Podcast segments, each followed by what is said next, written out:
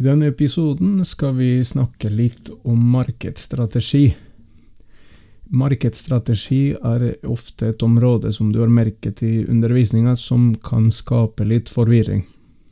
Og årsaken til det tror jeg at det kan være at eh, strategi er et vanskelig ord, fordi det kan bety mye forskjellig, egentlig eller det fins ulike måter å oppfatte strategi på.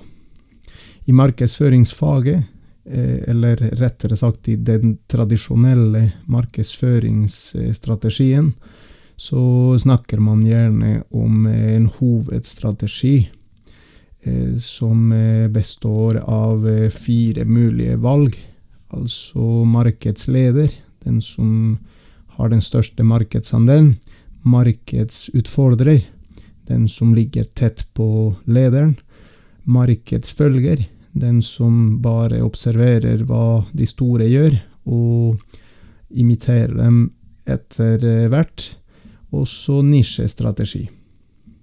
Deretter bruker man også noen segmenteringsstrategier. Det vil si at man velger seg noen målgrupper man ønsker å, å satse spesielt på. I tillegg til at man bruker de såkalte fire eller fem p-er, altså markedsføringsmiksen, som består av produkt, pris, plass, påvirkning og personale.